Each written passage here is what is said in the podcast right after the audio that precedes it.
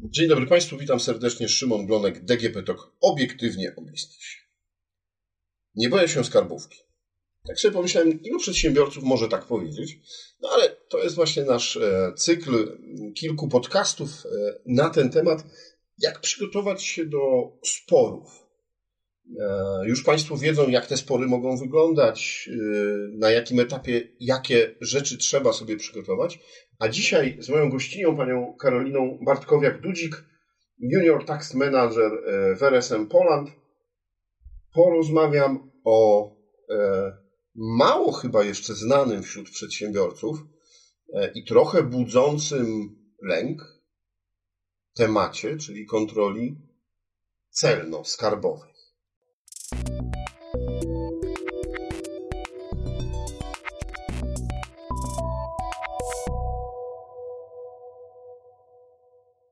Pani Karolino, jest się czego obawiać? Dzień dobry.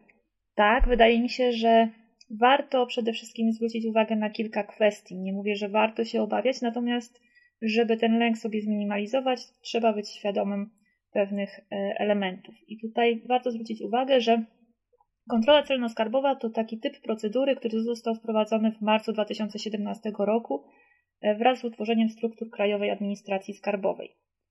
Według założeń kontrola celno-skarbowa miała na celu wykrywanie i zwalczanie najpoważniejszych naruszeń podatkowych, takich jak karuzele VAT-owskie czy zorganizowana przestępczość podatkowa. Natomiast w praktyce okazuje się, że ta kontrola celno-skarbowa może odnosić się do każdego podatku i dotyka coraz większe grono podatników. Czyli już nie jest to taka super specjalna policja skarbówki, e, którą jak zobaczymy, to musimy stawać na baczność i jesteśmy pewni, że popełniliśmy najgorsze przestępstwa skarbowe, tylko po prostu jest to y, no, kolejne, y, kolejne sprawdzenie legalności naszych działań. Tak, kolejne narzędzie i jak się okazuje, jak wynika tutaj z raportu Ministerstwa Finansów, sukcesywnie rośnie liczba kontroli celno-skarbowych i dla przykładu w pierwszej połowie 2022 roku wszczęto niemal 2000 takich kontroli, to jest prawie o 300 więcej niż w analogicznym okresie 2021. Czyli tych kontroli coraz więcej narasta, e, a z jakich przyczyn e, podatnicy mogą być kontrolowani? Tych przyczyn jest sporo, natomiast warto zwrócić uwagę, że e, kontrola celno-skarbowa rządzi się swoimi e, prawami, tak? E, tutaj takimi charakterystycznymi cechami, które nie występują w innych procedurach. Po pierwsze, kontrola celno-skarbowa jest prowadzona przez naczelników urzędów celno-skarbowych na podstawie przepisów ustawy o KAS. Obecnie funkcjonuje w Polsce 16 takich urzędów, po jednym w każdym województwie, natomiast warto wiedzieć, że obszar terytorialny działania tych urzędów nie jest ograniczony do województwa, na obszarze którego dany urząd się znajduje.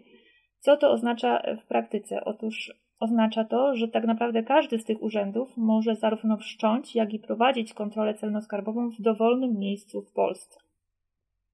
Druga rzecz, pamiętajmy, że w przypadku kontroli celno-skarbowej podmiot kontrolowany nie otrzymuje wcześniej informacji o zamiarze wszczęcia kontroli. E, jest to istotna różnica w porównaniu do kontroli podatkowych prowadzonych przez naczelników urzędów skarbowych. Czyli wszczęcie kontroli celno-skarbowej następuje w momencie doręczenia e, przedsiębiorcy upoważnienia do przeprowadzenia kontroli celno-skarbowej i tak naprawdę z tym dniem e, od razu mogą rozpocząć się czynności weryfikacyjne, a zatem podatnicy tak naprawdę nie mają możliwości wcześniejszego przygotowania się do przeprowadzanej kontroli celno-skarbowej. I kolejna rzecz, która też jest w moim odczuciu bardzo ważna, tutaj y, w przypadku kontroli celno-skarbowych nie bierze się pod uwagę limitów kontroli wynikających z ustawy Prawo o przedsiębiorców. Y, co to oznacza w praktyce? Otóż w ustawie Prawo przedsiębiorców przewidziano, że co do zasady, z wyjątkami tam zastrzeżonymi, czas trwania wszystkich kontroli udanego przedsiębiorcy w jednym roku kalendarzowym nie może przekraczać określonej liczby dni. W przypadku mikroprzedsiębiorców jest to 12 dni roboczych, u małych przedsiębiorców 18 dni roboczych, u średnich przedsiębiorców 24, u większych podmiotów 48 dni roboczych w roku kalendarzowym. Ale regulacji tej nie stosuje się do kontroli celno-skarbowych, co oznacza, że u danego przedsiębiorcy może zostać wszczęta kontrola, taka kontrola celno-skarbowa nawet wówczas, gdy w danym roku kalendarzowym wyczerpany już został ten limit wynikający z ustawy prawo przedsiębiorców. Mhm. A proszę powiedzieć, jaka kontrola przebiega, jak ona wygląda? Y, bo no pewnie wielu przedsiębiorców teraz się zastanawia, ok, nie mogę się za bardzo przygotować, bo nie wiem o niej wcześniej, mogą wejść do mnie do biura tak po prostu w każdym momencie? Tutaj trzeba też zwrócić uwagę na to, że rzeczywiście kontrolujący dysponują bardzo szerokimi uprawnieniami. Po pierwsze, mogą oczywiście domagać się przedłożenia dokumentów związanych z przedmiotem kontroli, ale też to, co jest ważne i charakterystyczne, mogą oni żądać również okazania akt, dokumentów, ksiąg, które wprawdzie są w jakiś sposób powiązane z przedmiotem kontroli, ale odnoszą się do okresu innego niż okres kontroli. Druga rzecz jest taka, że kontrolujący w ramach kontroli celno-skarbowej mogą przesłuchiwać kontrolowanego oraz świadków. Kontrolujący mają również prawo wejść i poruszać się po nieruchomości należącej do kontrolowanego na podstawie legitymacji służbowej e, bez potrzeby uzyskiwania przepustki. Takie osoby nie podlegają też rewizji osobistej. I wiele wątpliwości i kontrowersji, to jest to zresztą o czym Pan tutaj powiedział, budzi możliwość przeszukania lokali, przeszukiwania lokali, w tym lokali mieszkalnych, nawet jeżeli podatnik nie wykonuje w danym lokalu działalności gospodarczej. Rewizja może odbyć się z użyciem urządzeń technicznych i z zastosowaniem psów służbowych. Przeszukanie mieszkania wymaga zasadniczo uzyskania uprzedniej zgody prokuratora, ale może zdarzyć się tak, że w przypadkach niecierpiących zwłoki Mm, to przeszukanie następuje bez e, wcześniejszej zgody prokuratora. Wówczas takie przeszukanie powinno zostać przez prokuratora zatwierdzone. Warto również zwrócić uwagę, że funkcjonariusze KAS mają też uprawnienia do przeszukiwania osób oraz do zatrzymywania pojazdów i wykonywania innych mm, czynności z zakresu wynikającego z prawa o ruchu drogowym. No to rzeczywiście ogromne e, uprawnienia. Jak w takim razie przedsiębiorca może się bronić, przygotować, e, co może zrobić, żeby no, tak, kontrola jednak była jak najmniej dokuczliwa dla firmy, ale też e, jak najbardziej no, pozytywna dla samego przedsiębiorcy. W moim odczuciu tutaj najbardziej istotna jest właśnie ta świadomość. I e, sprawdza się ta maksyma stara łacińska ignorantia juris nocet, czyli nieznajomość prawa szkodzi. E, z naszego doświadczenia wynika bowiem, że w wielu przypadkach dochodzi do naruszeń proceduralnych przez organ kontrolujący, które to naruszenia mm, mogą rzutować na sytuację podatnika, a nawet na wynik kontroli. Konieczne jest jednak odpowiednio wczesne wykrycie tych naruszeń i uchybień i odpowiednie ich wypunktowanie. E, w tym zakresie niezastąpiona jest w moim odczuciu rola doświadczonych pełnomocników, np. doradców podatkowych, posiadających odpowiednią wiedzę i doświadczenie, ponieważ podatnik działający w ramach kontroli celno-skarbowej bez pełnomocnika i na własną rękę może czuć się nie tylko bezradny, ale wręcz taki przytłoczony przebiegiem całej kontroli. Mhm. E, no dobrze, czyli mamy e, najlepiej, kiedy taka kontrola się rozpoczyna, e, zapewnić sobie też dodatkową obsługę, pomoc, tak? Czy właśnie doradcy podatkowego, czy księgowego, który dokładnie zna te procedury, może prawnika? Tak, na pewno takie wsparcie byłoby istotne i mogłoby mieć pozytywny wydźwięk. A czy my w czasie tej kontroli, no bo w czasie kontroli podatkowej możemy składać wyjaśnienia, możemy mm, dodawać jakieś swoje uwagi, wnioski, E, na, na wielu etapach tej kontroli. A czy w czasie kontroli celno-skarbowej jest taka możliwość? Czy jesteśmy tutaj tylko i wyłącznie bierną stroną, która musi udostępnić dokumenty, pomieszczenia i dać się przeszukać też? Oczywiście w trakcie kontroli celno-skarbowej podatnik ma prawo do czynnego, e, aktywnego udziału w postępowaniu, natomiast warto zwrócić uwagę na kwestię zakończenia tej kontroli celno-skarbowej. Otóż po zakończeniu czynności kontrolnych mm, prowadzonych w zakresie prawa podatkowego, organ kontrolujący sporządza wynik kontroli, w którym zamieszcza informację o na przykład o stwierdzonych nieprawidłowościach. Tak? To, co jest e, ważne i zarazem charakterystyczne dla kontroli celno-skarbowej, to to, że podatnik nie ma możliwości przedstawienia własnego stanowiska, wyjaśnień czy też złożenia zastrzeżeń właśnie do wyniku kontroli.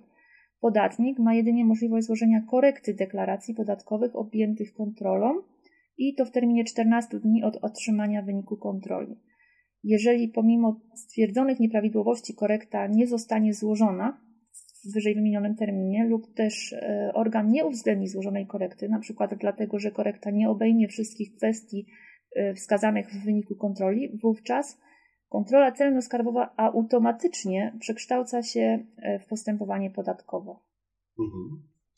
E, czyli od razu, albo inaczej, jak może skończyć się taka kontrola? Jakie są, jakie są scenariusze? Jeżeli wynik kontroli nie będzie zawierał żadnych wskazań odnoszących się do uchybień, to tutaj można stwierdzić, że sytuacja jest w miarę prosta. Natomiast jeżeli wynik kontroli będzie zawierał wskazanie co do uchybień nieprawidłowości, natomiast podatnik nie będzie zgadzał się ze stanowiskiem e, organu celno-skarbowego, wówczas ta kontrola, tak jak powiedziałam, automatycznie przekształca się e, w postępowanie podatkowe. I i kto prowadzi to postępowanie podatkowe? Postępowanie podatkowe, e, które wywodzi się właśnie z kontroli celno-skarbowej, jest prowadzone przez ten sam organ. I to jest właśnie kwestia też, na którą należy zwrócić uwagę, ponieważ postępowanie podatkowe będzie prowadził ten sam naczelnik Urzędu Celno-Skarbowego, który wydał negatywny dla nas, e, negatywny dla nas wynik kontroli. I teraz, co jeszcze jest istotne tutaj? Jeżeli podatnik po zakończeniu tego postępowania podatkowego e, złoży odwołanie, to okazuje się, że to odwołanie ponownie będzie rozpatrywane przez ten sam e, organ, przez tego samego naczelnika Urzędu Celno-Skarbowego. A więc tutaj mamy ewidentne odejście od zasady dewolutywności, gdyż odwołania nie rozpatruje organ wyższego stopnia, lecz ten sam organ, który wydał określoną decyzję. No dobrze, ale to jeśli mamy spór, jeśli mamy yy, przedsiębiorca nie zgadza się ani z tą kontrolą celno-skarbową, ani z yy, wynikami tej kontroli podatkowej, która jest, może być prowadzona w następstwie kontroli celno-skarbowej, to co może zrobić? Jak, jak się może odwołać? Jak może prowadzić spór dalej? Tutaj przepisy proceduralne są dosyć jednoznaczne. No, okazuje się, że od momentu wszczęcia kontroli celno-skarbowej daną sprawą na wszystkich etapach proceduralnych zajmuje się jeden i ten sam organ, czyli ten sam naczelnik Urzędu Celno-Skarbowego. Dopiero skarga do Wojewódzkiego Sądu Administracyjnego na decyzję tego naczelnika e, kończącą postępowanie podatkowe daje szansę na to, że sprawa zostanie zweryfikowana przez inny podmiot, w tym przypadku przez e, Wojewódzki Sąd Administracyjny.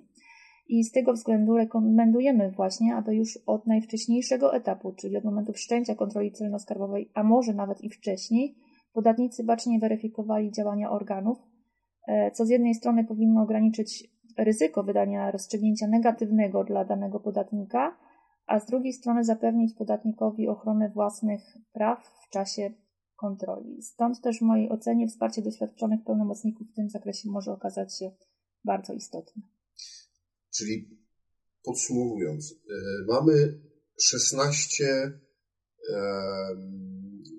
16 naczelników, którzy mogą prowadzić e, kontrolę celno-skarbową. E, jeśli doszukają się jakichś nieprawidłowości ich zdaniem, może się rozpocząć kontrola podatkowa. Kontrola celno-skarbowa.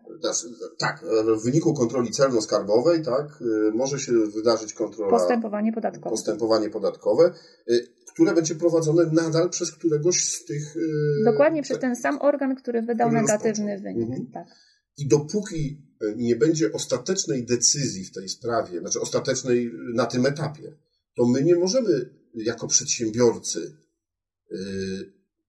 nic zrobić, odwołać się, bo dopiero możemy złożyć odwołanie do sądu administracyjnego od decyzji. Jest możliwość składania tych odwołań, ale tak jak powiedziałam, każde z tych odwołań na poszczególnych etapach proceduralnych jest rozpatrywane przez tego samego naczelnika Urzędu Celno-Skarbowego. Dopiero skarga do Wojewódzkiego Sądu Administracyjnego mhm. pozwala nam przenieść tę sprawę do innego podmiotu. No, trudne i skomplikowane, powiedziałbym, jest to prawo i też e, trochę e, chyba niesprawiedliwe w stosunku do e, przedsiębiorcy. Jeszcze chciałbym, żeby jedno wybrzmiało, bo każdy z tych 16 naczelników nie prowadzi to, to jest podział wojewódzki. E, Tak. y, Nie ma, znaczy jego uprawnienia nie należą tylko do danego województwa, ale może prowadzić postępowania na terenie całego kraju, nawet jeśli firma nie jest y, na jego terenie zarejestrowana. Tak, zgadza się. Może zdarzyć się tak, dla przykładu, że podatnik w Poznaniu będzie miał kontrolę celno-skarbową wszczętą przez e, naczelnika e, Urzędu Celno-Skarbowego z Warszawy. Nie Mhm. jest to wykluczone. Mhm. A, No dobrze, mniej więcej wiemy, y, jak y, wygląda taka procedura. Jeśli byśmy też mogli krótko wspomnieć o tym, jak możemy się przygotować, y, jak możemy się bronić, czy jakie, jakie wnioski składać, żeby to jeszcze raz y, podkreślić. Oczywiście mm, sposób postępowania podatnika w ramach danego postępowania czy danej procedury zależny jest od tego, czego oczekuje od nas organ, y, jakie są żądania. Natomiast warto zwrócić uwagę też na to, co być może wybrzmiało już w poprzedniej wypowiedzi y, tutaj w ramach naszego cyklu. Nie zawsze jest tak, że podatnik powinien czy jest zobowiązany do przedkładania wszystkich dokumentów czy materiału dowodowego, ponieważ, tak jak wspomniałam, mm, zdarza się tak, że organy naruszają swoje uprawnienia, wykraczają poza te uprawnienia. Dlatego na pewno na każdym etapie rekomendowane jest zachowanie pewnej ostrożności. Drodzy Państwo, warto się, jak y, mówimy w tym cyklu, nie bać skarbówki i nie bać prowadzić sporów. Natomiast y, za każdym razem, tak jak podkreślamy w y, tych podcastach, warto się do tego dobrze przygotować e, i y, wiedzieć, dlaczego dany organ i jak dany organ może nas kontrolować, e, jakie dokumenty może chcieć, a jakich nie musimy dawać, a wręcz nie powinniśmy. A o tym wszystkim, jak to wygląda w kontroli celno-skarbowej, rozmawiałem z panią e, Karoliną Bartkowiak-Dudzik, Junior Tax Manager w RSM Poland, a to był podcast DGP Talk obiektywnie o biznesie. Rozmawiał Szymon Glonek. Dziękuję bardzo. Dziękuję bardzo. Do usłyszenia.